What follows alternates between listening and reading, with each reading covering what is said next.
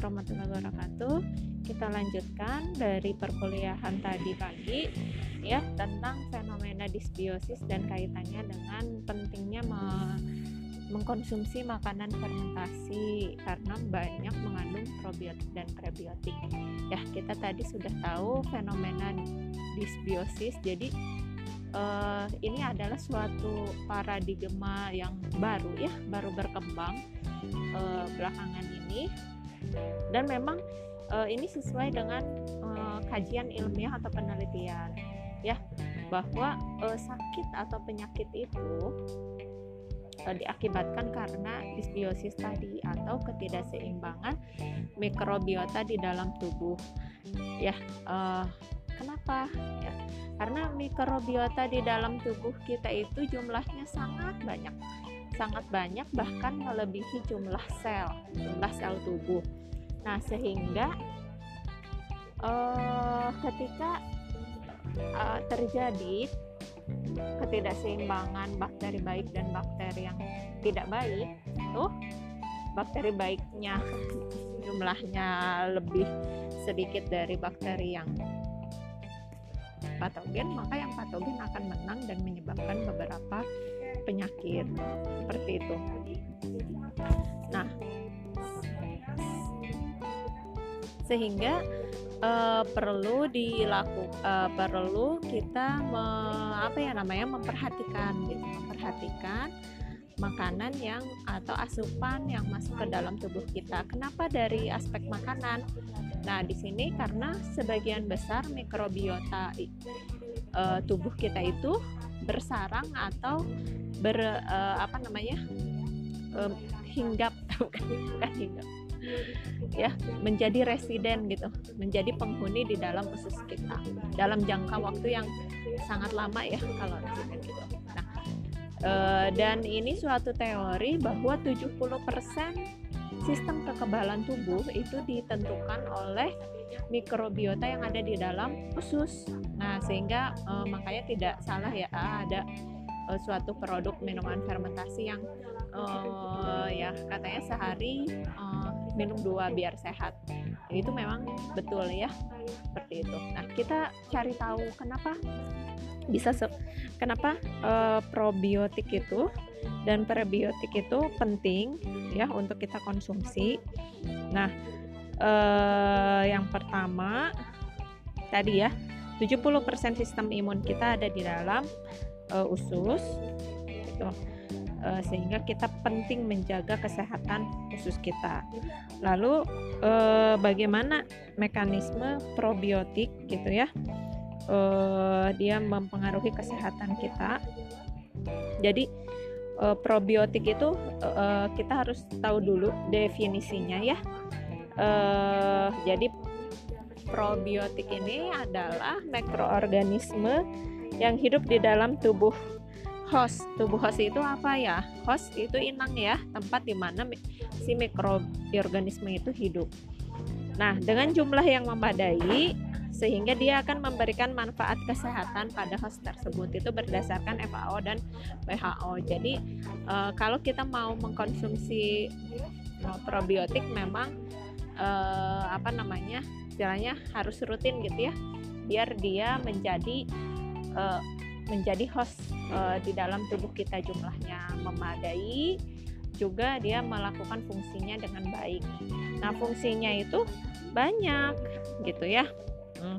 Kalau misalnya uh, terjadi kita misalnya me, me, atau anak ya yang sering diare itu anak-anak. Dan ini tingkat kematian yang disebabkan oleh diare di Indonesia pada anak ini sangat tinggi gitu. Jadi eh, sangat penting untuk anak-anak mengkonsumsi makanan probiotik ya. Makanya di produk-produk susu ya produk produk susu itu yang bikin mahal ada mengandung uh, bakteri Lactobacillus GG misalnya ya Rhamnosus. Nah, itu yang bikin mahal susu anak ya karena mengandung probiotik. Anak-anak kan uh, belum bisa menjaga kebersihan ya. Uh, dia masih pegang sana, pegang sini lalu memasukkan uh, sesuatu ke mulutnya seperti itu sehingga uh, sering terjadi diare. Apalagi kalau orang tuanya jorok gitu ya tidak mengarahkan anak, terus juga tidak menyediakan makanan yang sehat, uh, atau yang kalau di ya, itu ya yang penyebab stunting itu ya. Uh, ya kalau di daerah-daerah sumber airnya masih kotor, bahkan masih ada yang tercemar dengan uh, saluran airnya itu air bersihnya itu ada yang tercemar dengan saluran air pembuangan seperti itu ya. Nah, jadi kalau anak mengidap diare biasanya termasuk kita juga ya dikasih uh, resep sama dokter itu uh, apa laktobe ya. Nah, laktobe itu apa coba? Uh, bakteri baik, kumpulan bakteri baik yang di freeze dry yang dikeringkan gitu dalam bentuk serbuk. Jadi kayak yakult yang dikeringkan.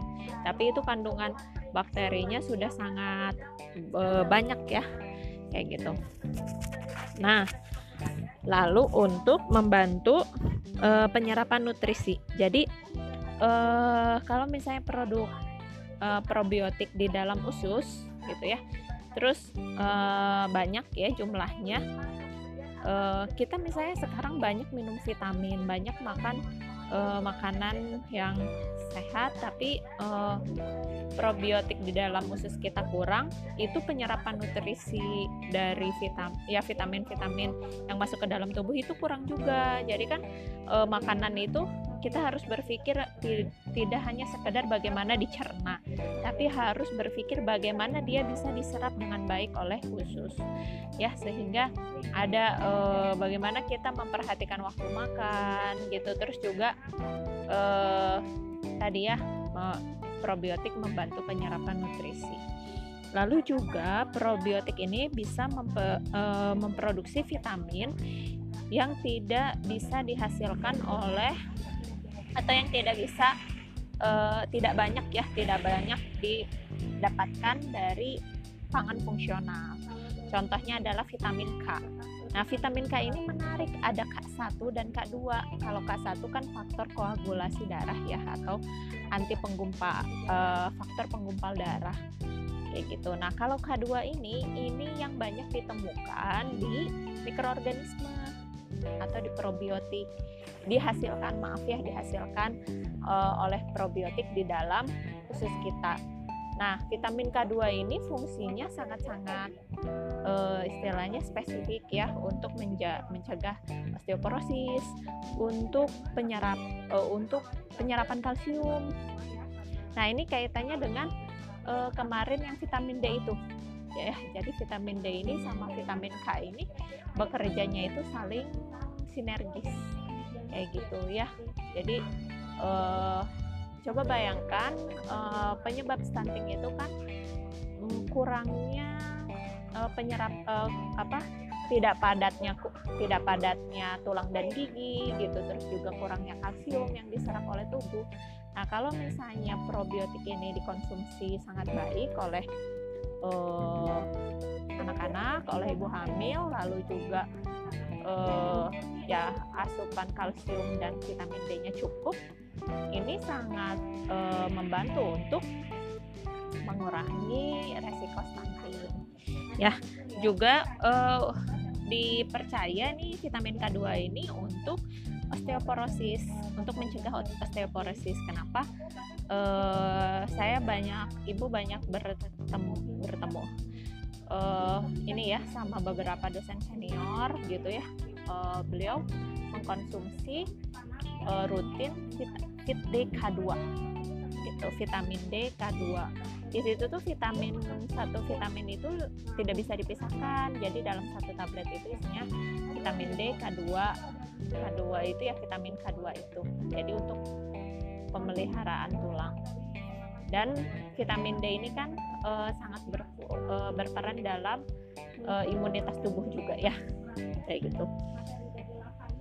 Nah lalu uh, si probiotik ini punya mekanisme melawan pertumbuhan bakteri jahat jadi jadi kompetitor tadi ya yang dijelaskan tentang disbiosis itu kompetitor. Jadi kalau misalnya ya ini mas suatu sunatullah ya gitu. makanya kenapa kita harus mem memperbanyak orang-orang baik gitu. Kan pasti di dunia ini ada orang baik ada orang jahat gitu. Jadi nah kalau misalnya orang jahat itu e, banyak ya mereka yang merajalela. Terjadi banyak kejahatan di muka bumi kalau misalnya orang baik ini banyak, sebaliknya orang jahat merasa malu mungkin ya untuk me melakukan kejahatan gitu atau bahkan misalnya mereka terinspirasi dengan orang-orang baik ini gitu untuk menjadi menjadi uh, orang baik kayak gitu.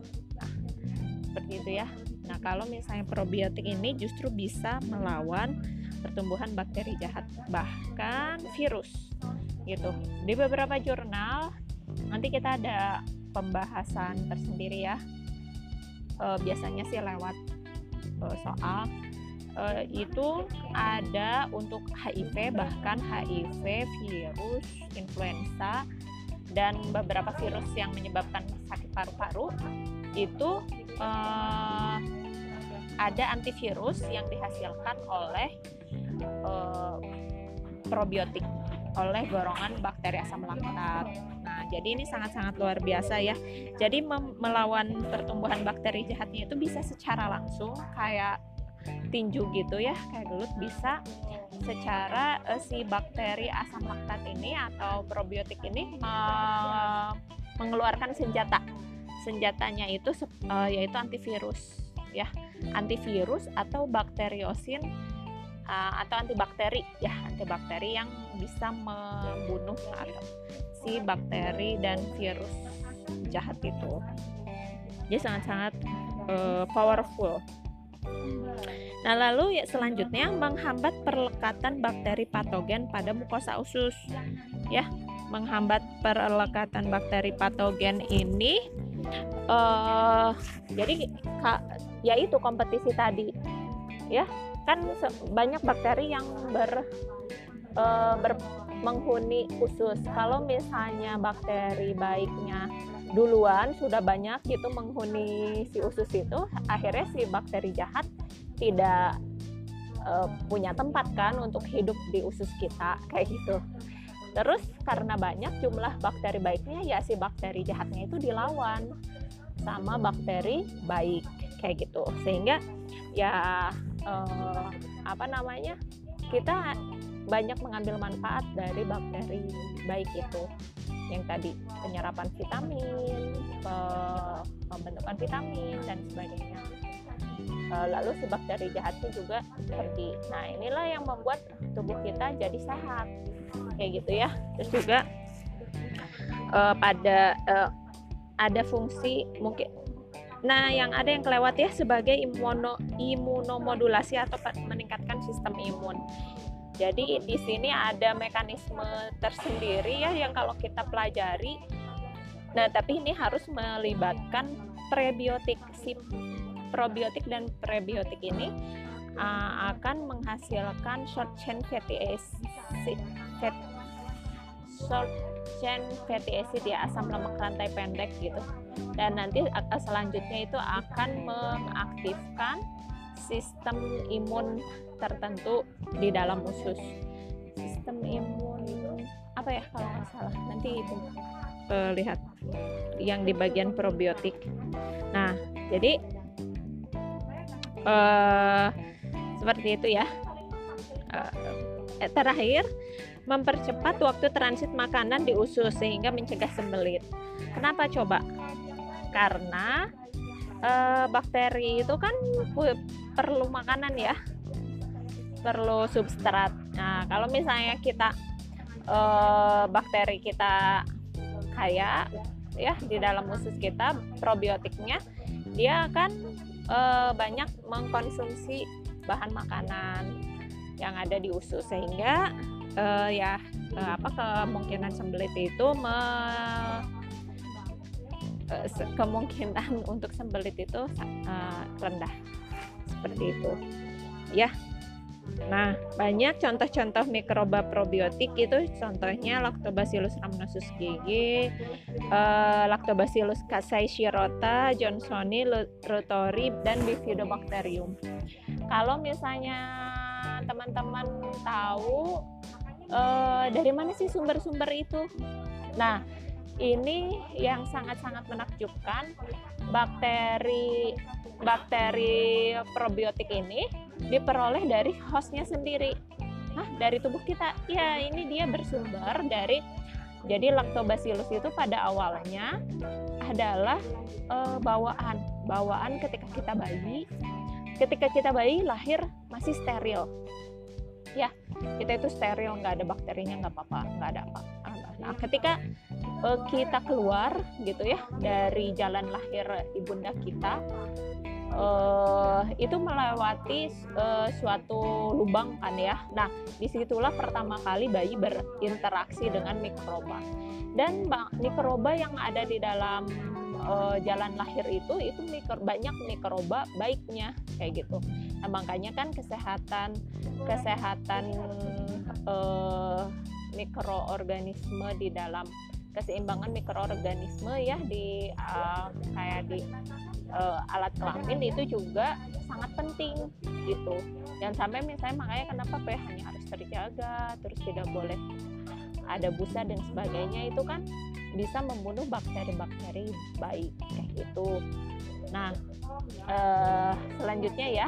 Nah dari situ pertama kali berinteraksi dan uh, ada ya bakteri baik yang terkena. Mungkin ada bakteri jahatnya juga tapi ya itu saling berinteraksi ya tadi.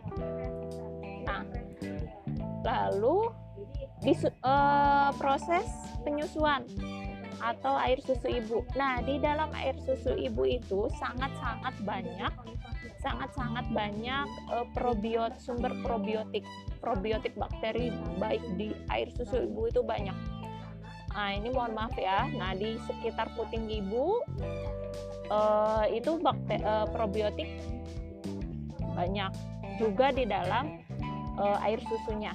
Nah, sehingga kenapa air susu ibu itu tidak bisa digantikan dengan uh, air uh, dengan susu-susu for formula ya. Nah, uh, karena itu banyak probiotik yang tidak didapatkan uh, di dalam susu formula dan ini adalah uh, apa ya istilahnya anugerah dari Allah gitu ya bekal dari Allah nah makanya kenapa sistem imun itu uh, sangat kuat itu dari susu selain memang uh, zat uh, apa air susunya juga dari probiotiknya. Itu bekal imun uh, untuk bayi. Makanya bayi itu kenapa ya? Bayi dan anak-anak itu kuat gitu ya. Dia itu selain masih steril gitu terus juga dia harus menghadapi dunia eh, dunia yang sangat jahat ini gitu yang sudah terkontaminasi dengan banyak eh, bakteri jahat bahkan virus nah tapi dia juga dibekali oleh Allah itu eh, tadi bakteri-bakteri baik yang bersumber dari sang ibu. Kayak gitu. Makanya kenapa feses ada peneliti-peneliti yang mengisolasi probiotik dari feses bayi. Nah, dalam feses bayi itu banyak mengandung bakteri-bakteri probiotik yang bisa kita isolasi dan e, nantinya di istilahnya bakterinya doang ya, bakteri enggak sama fesesnya diisolasi dan dijadikan produk seperti itu. Nah, ini menarik ya, tolong disimak sampai lengkap. Nah, eh Lalu ada juga uh, probiotik-probiotik memang yang diperoleh dari makanan-makanan fermentasi seperti bakteri asam laktat, ya. Nah, uh, mungkin dicukupkan dulu untuk probiotik ya. Mudah-mudahan bisa dipahami. Uh, kita lanjut ke segmen berikutnya tentang prebiotik dan closing. Ya, assalamualaikum warahmatullahi wabarakatuh.